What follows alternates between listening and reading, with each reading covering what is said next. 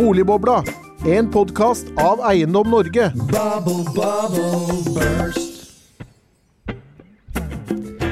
Bubble, bubble, burst. Bubble, bubble, burst. Hjertelig velkommen til en ny episode av Boligbobla, denne gang om kunsten å lage boligprisstatistikk.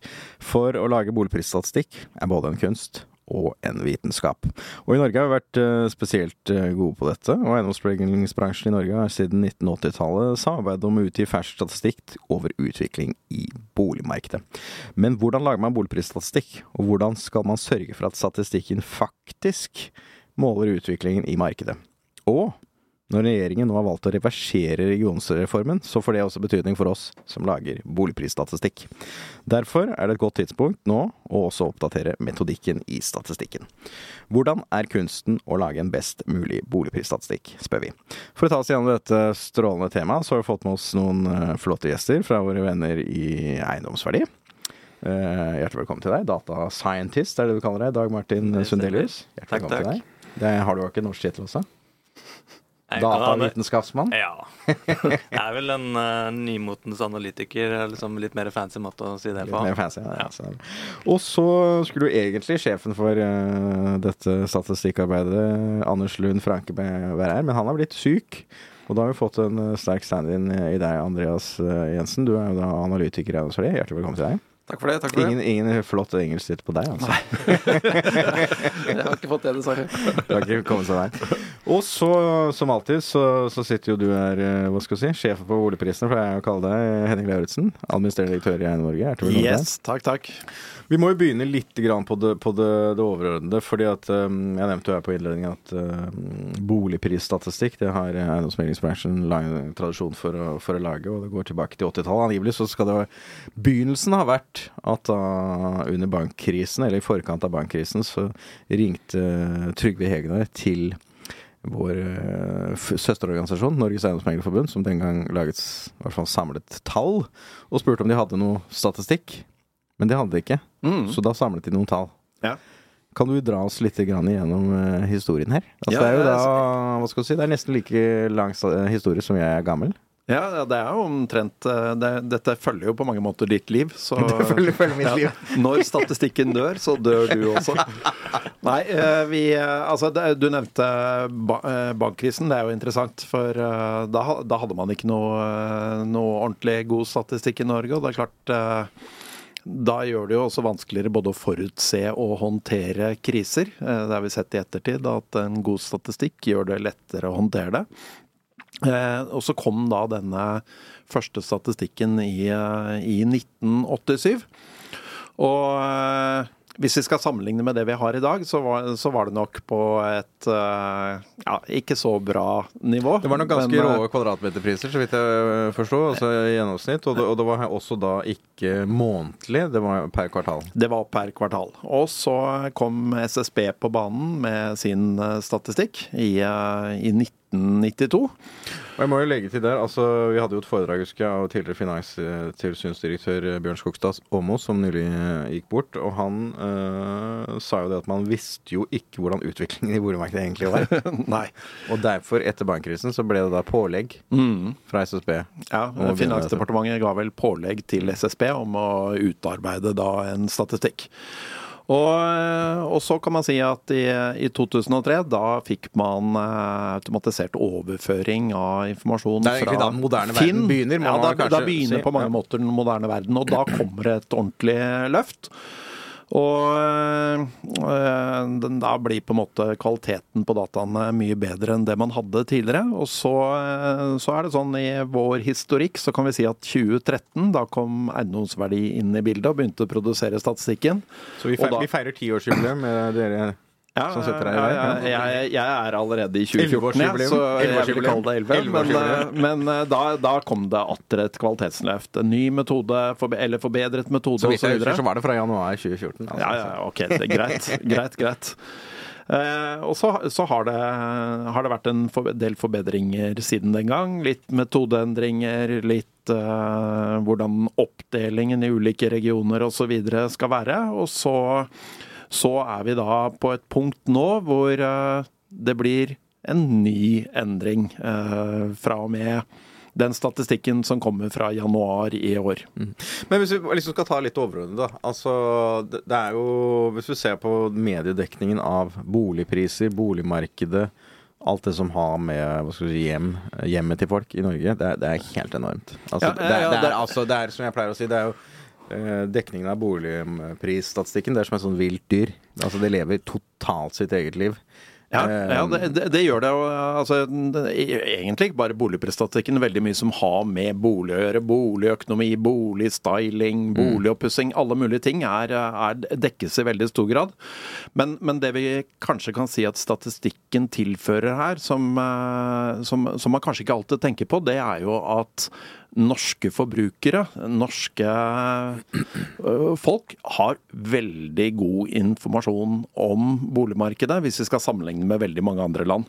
Ja, for I enkelte land så, så er man jo prisgitt av enten altså boligprisstatistikk på tinglyste data, eller boligprisstatistikk som ikke nødvendigvis er representativt, fordi at det er ulike aktører. Det er ikke noe samlet samarbeid. Ja, det, det er riktig. og her, her kommer jo statistikken ut av tredje virkedag i hver måned, som gjør at man sitter på veldig ferske opplysninger. Jeg tror ikke det er noen andre land som, som er så tidlig ute.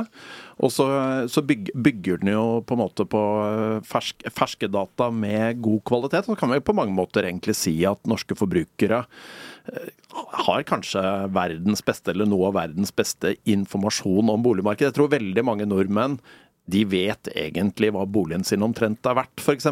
Det kan være veldig mye vanskeligere å vite andre steder. Og så, så er statistikken med på da å, å gjøre at det er lett å holde seg orientert.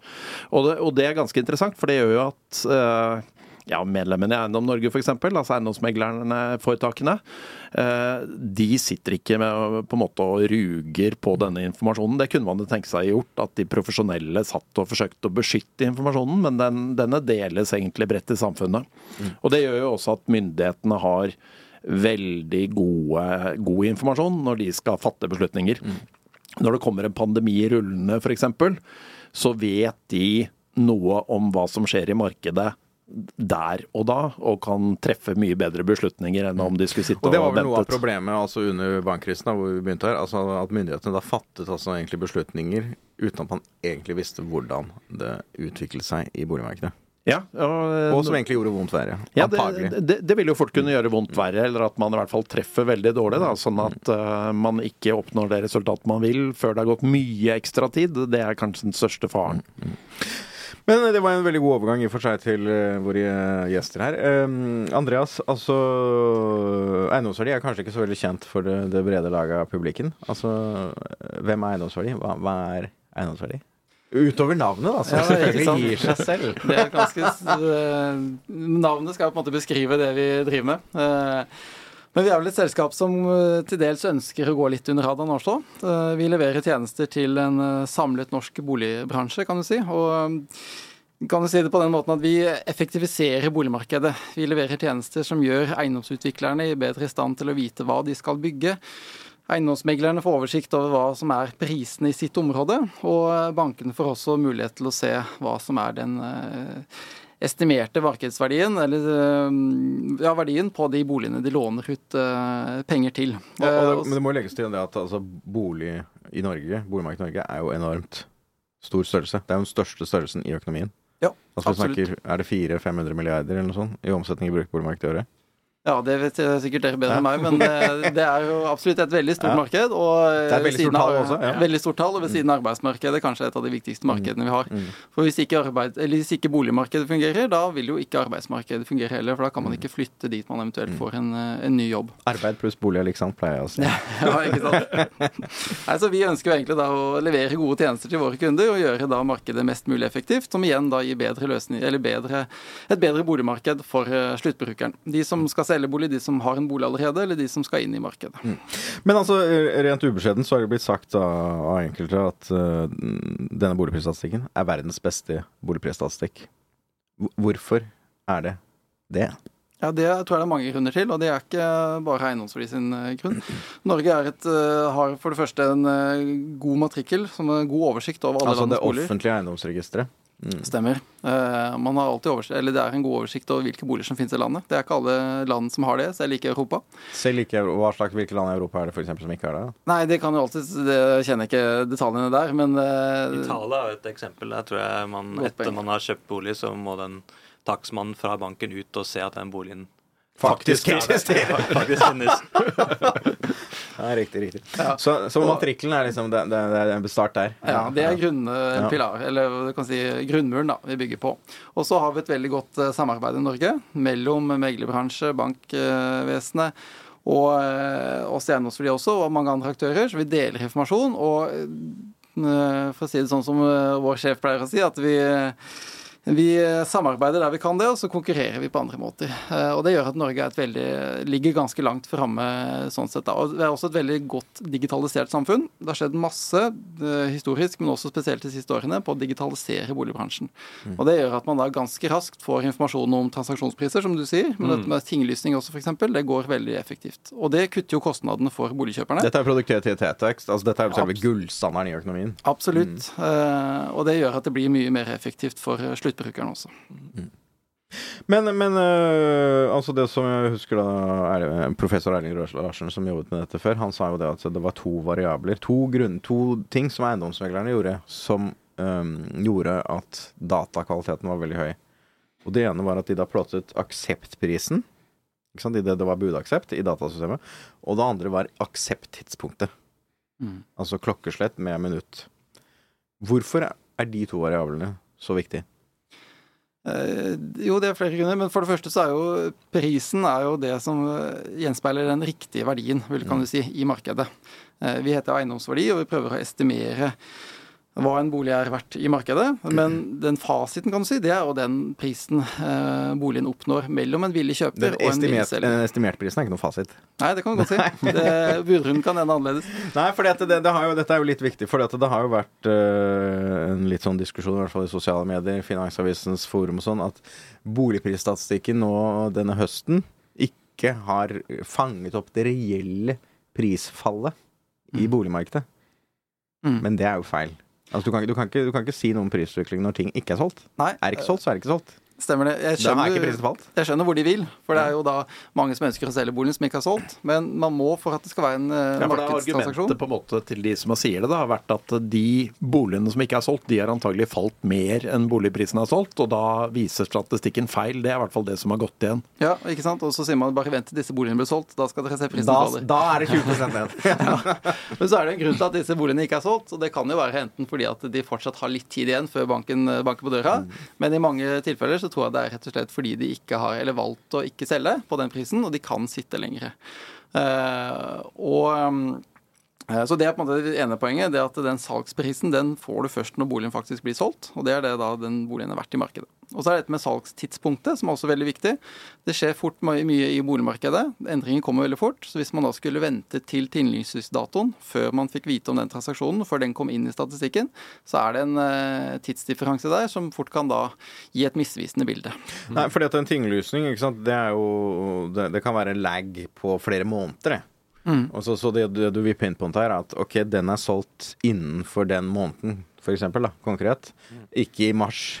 Stemmer. ikke sant? Ja. Og, og hvis den dataen blir talt da i mars, så ville det bli feil. Fordi den er solgt i januar, Ja. reelt sett, med budaksept. ikke sant? Det var et helt annet marked på den Og et helt annet marked. Eller desember, altså hva det måtte være. Og vi ser jo nå skal vi si De siste to årene så har det vært veldig store svingninger. Så du kan si det, dette er en potensiell feilkilde, antagelig. Og der er vi jo Mm. helt unik i Norge, at vi har de dataene egentlig allerede dagen etter. Og da kan en liksom si at i mars 2020 så, så falt prisene. Ja, for da pandemien. Ja, altså. ja Mm. kom inn.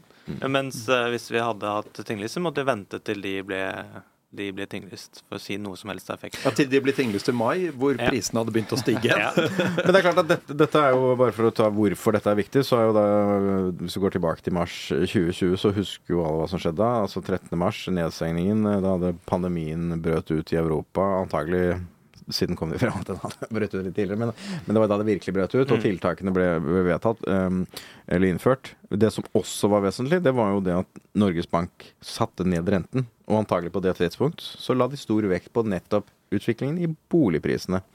Og hadde de ikke hatt da både transaksjonsdataene og prisutviklingen da så ferskt i mars, hadde de antagelig ikke kunnet fatte den beslutningen. Nei, vi ble jo ringt av myndighetene dagen etter nedstenging og se hva har skjedd med boligmarkedet.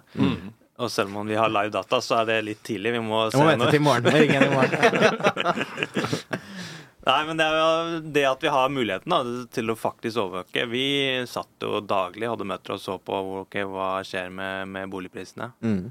Er det ting vi må gjøre for å måtte, fange opp eventuelt et fall? Mm. Um, ja, og da har jeg muligheten da, til å overvåke live, rett og slett. Men, men la, la oss nå uh, gå over til puddingen her. Fordi at du, Dag Martin, din, øh, din sjef øh, Anders øh, Lund Franke, han pleier å kalle deg for sin Einstein.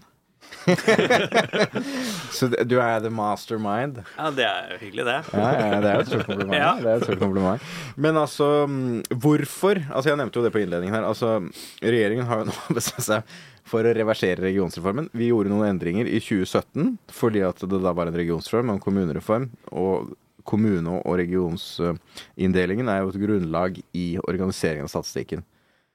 Hvorfor skal vi da gjøre noen ting nå? Er det den samme begrunnelsen?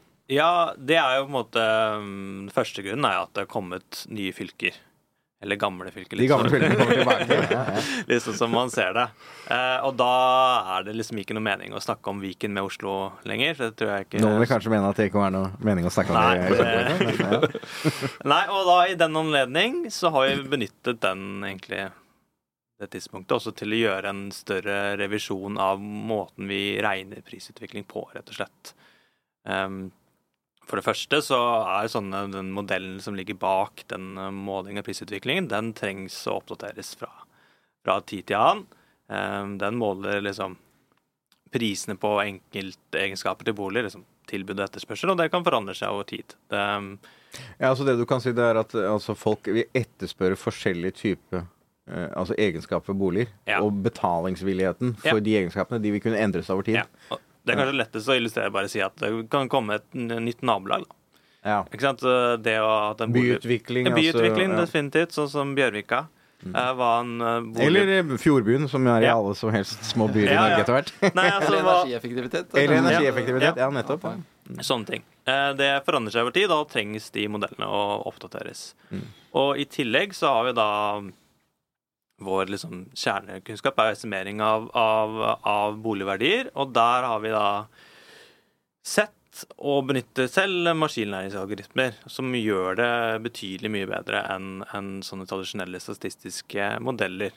Sånn um, lineær regresjon osv. Ja, jeg har jo da altså et halvt års eh, studie i metodestatistikk eh, fra statsvitenskap, men det er ganske likt økonomi. Mm. Jeg må jo si det er jo, det er jo ganske tidkrevende og komplisert å lage eh, dette manuelt. Ja, eh, definitivt. Men, og det er liksom det at det har de Metodene har blitt bedre, altså. Rett og slett. Og det er liksom grunnpilaren til den boligprisstatistikken, er hvor godt de kan estimere verdien til en bolig.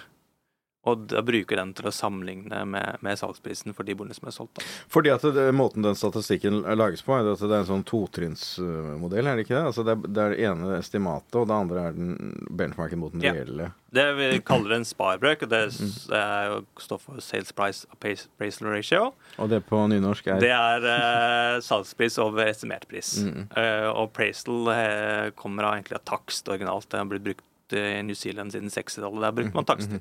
Men vi bruker eh, estimerte priser, og så sier man OK, i januar, da. Så de boligene som blir solgt der, og så tar man salgsprisen i januar, og så sammenligner vi hva eh, estimerer vi at den boligen var verdt på et fast tidspunkt. Kan vi si 1. januar 2014, da. ti år siden, da. Ja.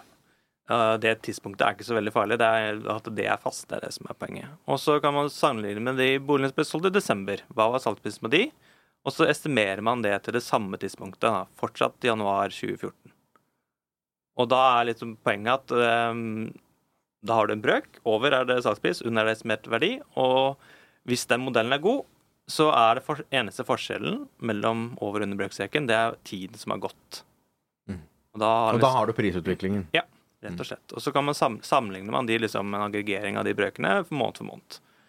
Og da klarer man å, å fjerne det vi kaller sammensetningseffekter. Da. Og en sammensetningseffekt er at det er andre typer boliger som selges i, i desember enn i januar. Og det går jo litt inn på det jeg sa på innledningen, kunsten og vitenskapen. Ja. Altså sammensetningseffekten. Altså kunsten og vitenskapen er jo å få ut altså den støyen Mm. som sammensetningseffekten vil være. Mm. Og vi, vi har jo egentlig et ganske strålende eksempel relativt nylig på noe man vil kunne kalle støy i datasettet. Og det er jo den dyreste boligen noensinne solgt i Norge. Ja, Ikke sant? og den vil da På Bygdøy, som Ja. tilfeldigvis da var også min oldefar eh, som bygde. Ja, sånne boliger. Og den vil jo 500 da, millioner den ja. vil jo da øh, Vi har aldri sett noen sånne boliger.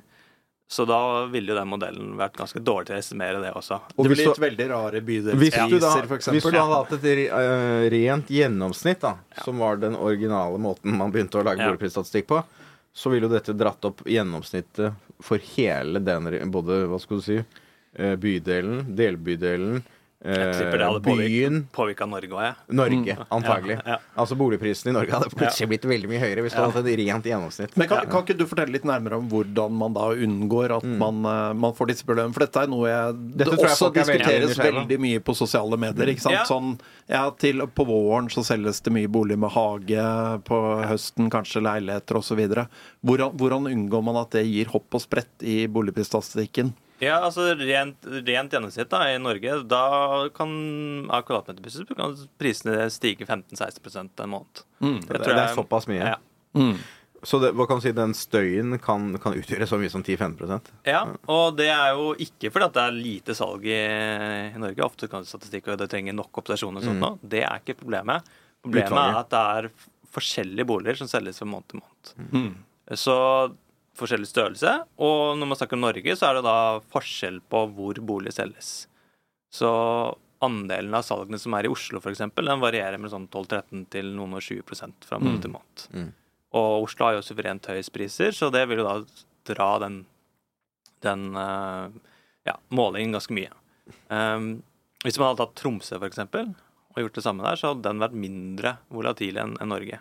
Som høres litt rart ut. Det er jo mye mindre salg der, men det er rett og slett at Det det er bare likere Ja. boliger og Ja. likere priser. Ja, rett og slett. Så altså når du har en da, hva skal du si, stor spredning i både type boliger og prisene, Ja. så får du mer, større sammensetningseffekter, er det du sier. Ja. Og så den, den, den metoden vår eh, prøver liksom å estimere hva og korrigere fordi at det er forskjellige typer boliger som selges fra måned til måned. Mm. Og det er som hele da, kunsten eller hva vitenskapen er, det er å, å korrigere for de sammensetningseffektene. Men, men hva slags type metoder er det du da har for, for å korrigere for disse sammensetningseffektene? Ja, det er jo eh, to hovedtyper. Det er enten sånne repeterte salg. Altså det er da en bolig som er solgt én gang på ett tidspunkt, og Ja. solgt igjen. Ja, og Sammenligner man hva sam- de boligene som ble solgt da, i januar i år, så ser man okay, hva ble de solgt for forrige gang. Da ser man jo på samme boliger, så da har man egentlig korrigert for det sammensetningseffektet, fordi boligene er helt like. Problemet der er jo at det er ikke alle boliger som har blitt solgt flere ganger. Jeg tror det er sånn Det er et utvalg av eh, Ja. antagelig boligmassen som omsettes oftere Ja, jeg andre. tror man omtrent ville fjerne halvparten av salgene. Det er såpass, ja. Ja. ja. Eh, Og du ville lagt mye høyere vekt på typisk da leiligheter i eh, sentrum av de største byene. Fordi leiligheter omsettes oftere, og dette handler jo antagelig om demografiske ting, og også flyttemønstre. Eh, Mm. Fordi at eh, man pleier å si da eh, at etter fylte 40 så er folk ferdig flytta. og hvis du ikke flytter før du er 60 til en mindre bolig, Ja. fra enebolig til familiebolig, så flytter du aldri. Før du skal på heimen. Ja, det er Litt satt på spissen. Litt satt på er spissen. ja, det- veldig- Ja, det er veldig stor forskjell da Men, Ja, ja, det, er for, så men det er bare sånn stort Ja. bredt mønster. Og um, så for Oslo eller en annen så kunne man kanskje gjort det, men da legger man igjen mer vekt på, på de små leilighetene. Men for å dekke landet i god måte, så har det ikke vært mulig å rapportere tall på måned til den statistikken der. Mm. Og i tillegg til det så er det ja, det er samme boliger, men boliger pusses opp. Så den som at det er helt epler og epler, det, det stemmer ikke det heller. Men hvordan klarer man å håndtere det? Altså Boligen som har fått en veldig mye høyere standard, kanskje fått et påbygg osv. i mellomtiden? Ja, da Måten vi gjør det på, er egentlig liksom det vi kaller sånn hedoniske metode. Og da er heller med at man Det handler ikke om nytelse, det? Nei, det er, det er vel eh, rett og slett det er liksom å estimere hva er verdien av enkeltattributter til, Ja. til boliger. da. Mm. Um, Og har vi da kontroll på alle altså egenskapene ved en gitt bolig? Um, Eller mange? Storparten av de? Mange. Så det er jo alt av som størrelse, etasje, eh, boligtype, eierform, hvor den ligger, som er veldig viktig. Det er liksom lokasjon, lokasjon, lokasjon. Eh, og en del Litt innhold da. Ja. Ja. Men eh, ja, Og det er jo Standard har vi ikke. Mm. Så det er vanskelig å kontrollere for. Eh, men eh, ved at man kan bruke større utvalg når man bruker sånne modeller, så kan man bruke alle salgene. Vi trenger ikke liksom forrige sak å sammenligne mot. Det vi sammenligner mot, er hva vi estimerer at den boligen har vært. Mm. Så det gjør utvalget mye større. Og da eh, er det heller at, liksom, at standarden blir en, sånn, en gjennomsnittlig standard. Da. Mhm. Så er det noen som selger som er under den gjennomsnittlige standarden, og noen som selger som er over den gjennomsnittlige standarden. For dette er jo typisk noe en eiendomsutvikler vil jo kanskje se veldig mye på dette. Altså standard planløsning, eh, overflater, kjøkken, bad osv. Mm. Mm. Men det har ikke vi dere Nei, også bygge... egentlig kontroll over. Nei. Nei, men altså, vi har jo byggeår, da. Du har byggeår, og det er Ja. klart byggeår Du kan lage en hva skal du si, en indikator for standard med utgangspunkt i byggeår, Ja. egentlig. Ja. Det er Mye av det er innebakt i det, i det byggeåret. Mm.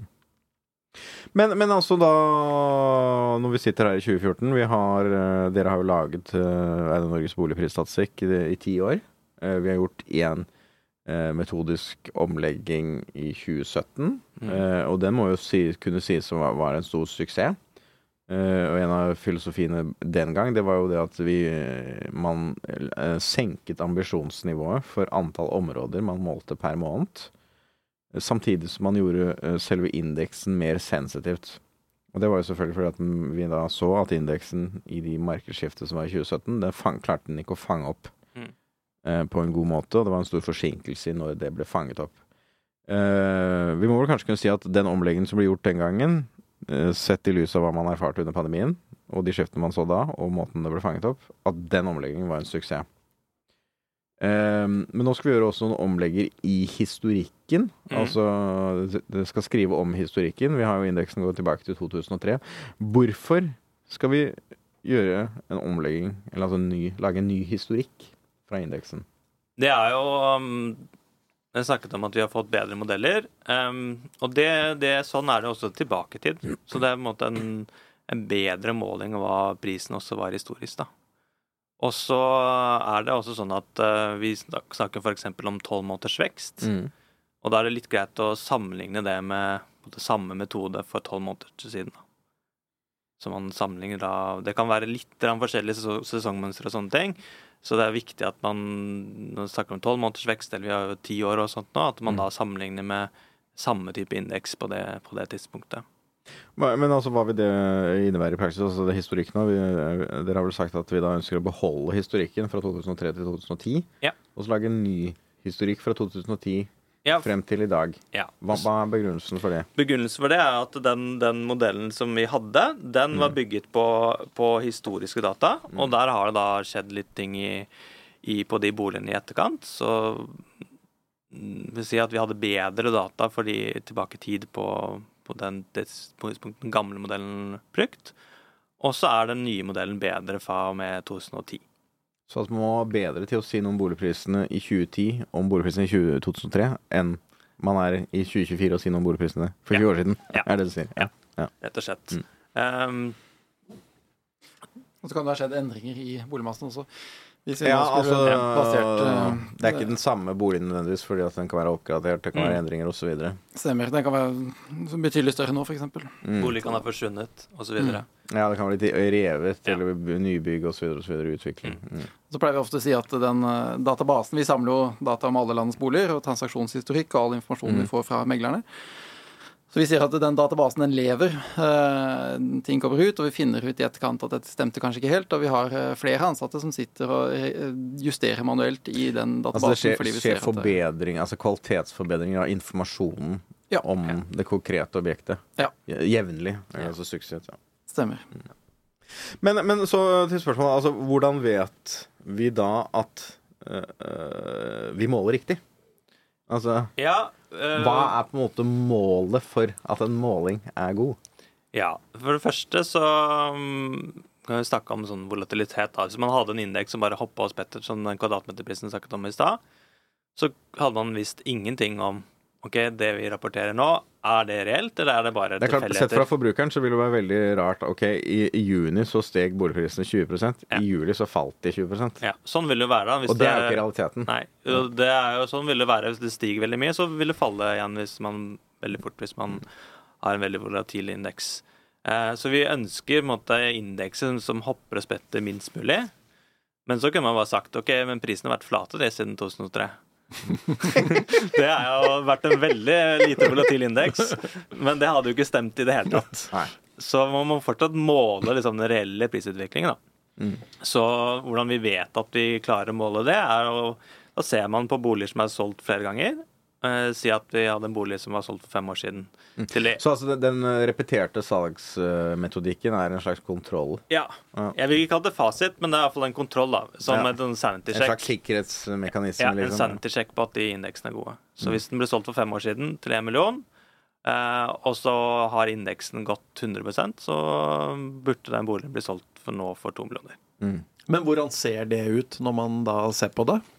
Uh, jeg tror vi har snakka om sånn rundt Jeg tror jeg målte fra 2008 til i dag, og da er det eh, under med 0,5 eller noe sånt nå. Avvik? Ja. Mm. Uh, og det Det jeg sa at eh, på en måte, de repeterte salgene er ikke fasiten, fordi man har et lite problem med at de typisk pusses opp, da. Ja. Og hvor man Og særlig boliger som selges ofte. Så hvis man hadde bare sett på um, hvor man setter den grensen på vi, ok, Selges det innen én måned, så er det noe spesielt. Da er det jo garantert flippet eller pusset opp. Da vil jo den modellen bomme ganske mye. Mm. Eh, mens eh, lenger, uh, hvis det er lengre tid mellom salgene, så det, går det typisk den andre veien. Mm. Mm. Men det, er, altså, det fungerer som en sanity check. Da. At vi klarer å måle den reelle prisutviklingen i markedet. Men altså da til, til eh, puddingen. Altså nå skal vi da publisere tall for januar 2024 på mandag om en uke, eller altså liten uke. Eh, hva vil Vil man merke noe til den metodiske endringen på den publikasjonen som kommer der, utover da organiseringen av eh, statistikken? Ja, vi vil ha indekser som er, hopper og spretter mindre, rett og slett. Eh, noe av det man tidligere så på som sesong, vil være eh, glattet ut. Og det er ikke at man har liksom bevisst eh, glattet over noe, men det er rett og slett at de indeksene måler den prisutviklingen bedre. Så Bergen eksempel vil ha mindre håp og spett. Så, så de enkelte områdene vi har jo sett særlig, det er vel særlig Bergen og Stavanger er det vel, og Kristiansand, som har vært eh, hva skal si, veldig hoppete og sprettete Ja. måned for måned. Mm. Eh, med den nye metodikken så vil man kunne måle de områdene dere konkret bedre, Ja. er det du sier. Ja, rett og slett. Og så er det ingen dramatisk eh, forandring i noen som helst områder, og det er jo og trenden Um, på Den langsiktige utviklingen for alle områder er den samme. Mm. Og det er jo, skulle bare mangle, for da hadde man målt feil enten Hvis før det var et veldig stort Ja. der, så, Ja. Så ville det gå på tilliten Ja. til statistikken Ja, så langsiktig så er det eh, veldig lite forskjeller, altså. Men, men så har vi en annen eh, veldig interessant ting som skjer fra, eller som har skjedd fra årsskiftet vi akkurat passerte, og det er jo at det har kommet nye arealmålingsregler for bolig.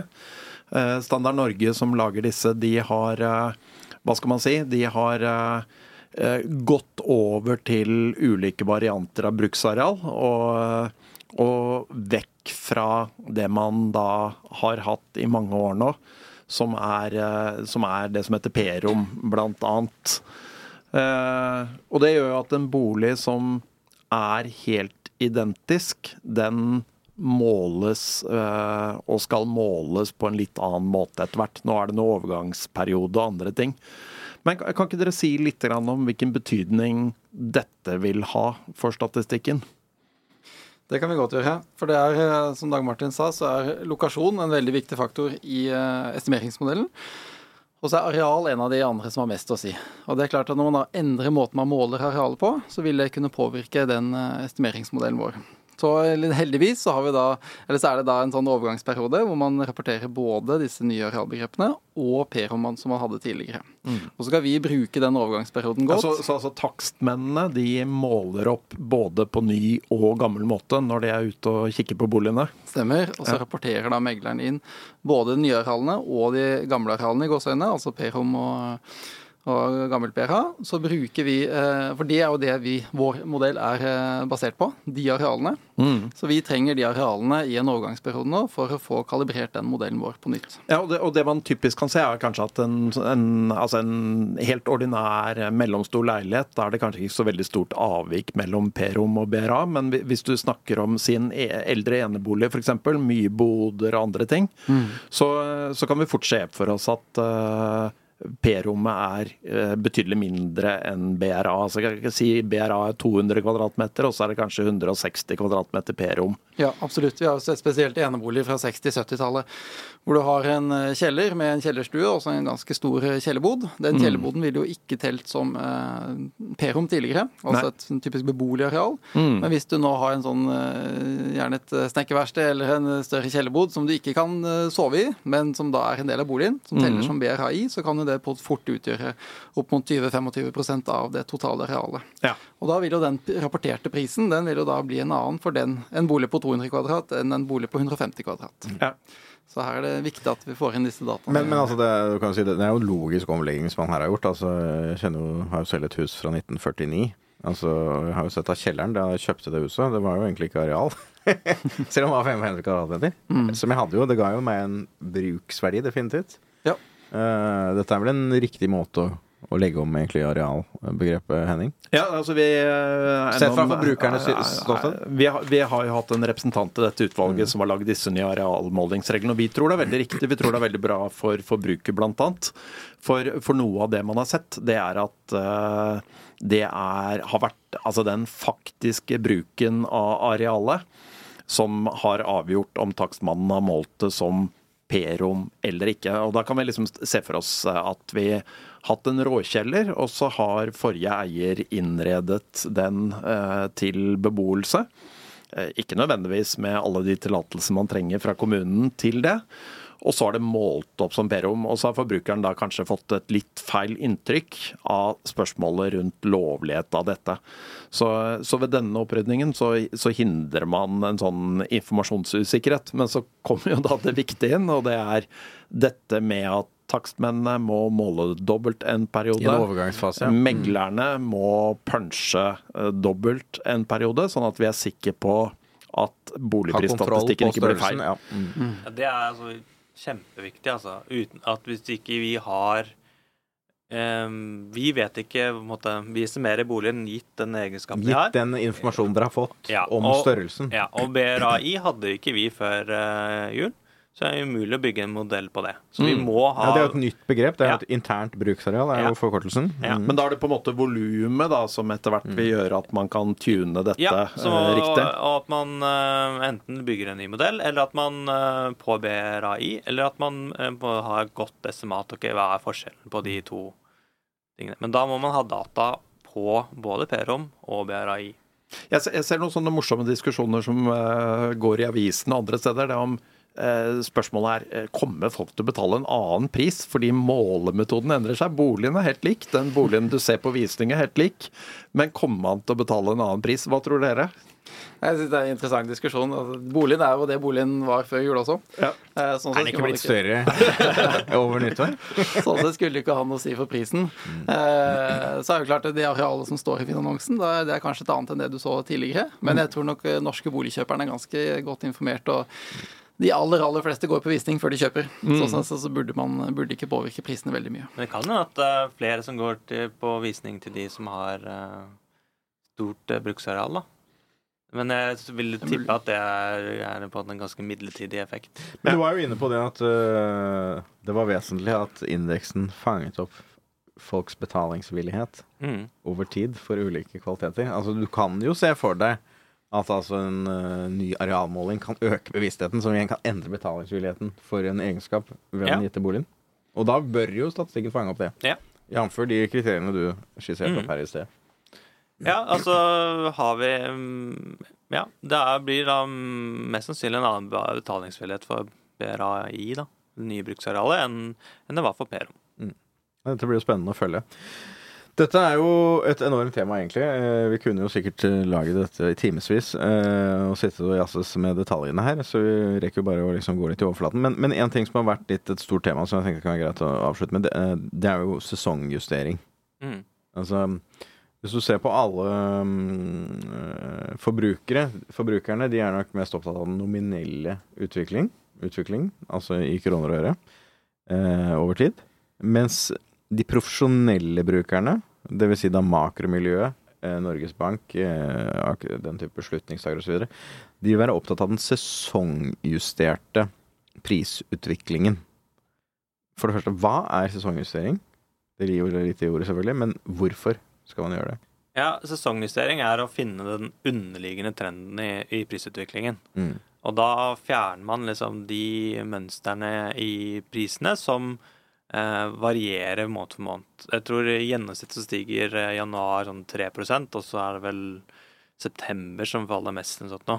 Er ikke de veldig store i pris i boligmarkedet? Volumer er det ganske betydelige sesongeffekter. Mm, og det, det vet du at det er veldig mange som selger fra påske og inn mot sommeren, Ja. eksempel. Ja. Veldig få som selger i desember. Ja. ja, man har eksempler som sånn iskrem og sånt nå. Det er jo et veldig Mye større salg i Ja. juli Ja. enn i januar. Det er mye større salg av ribbe Ja. i desember enn i juli. for. Nei, så eh, et viktig poeng her at man justerer ikke for gjennomsnittlig eh, prisutvikling for en måned. fordi det er rett og slett sånn at eh, vi har hatt prisvekst siden 2003.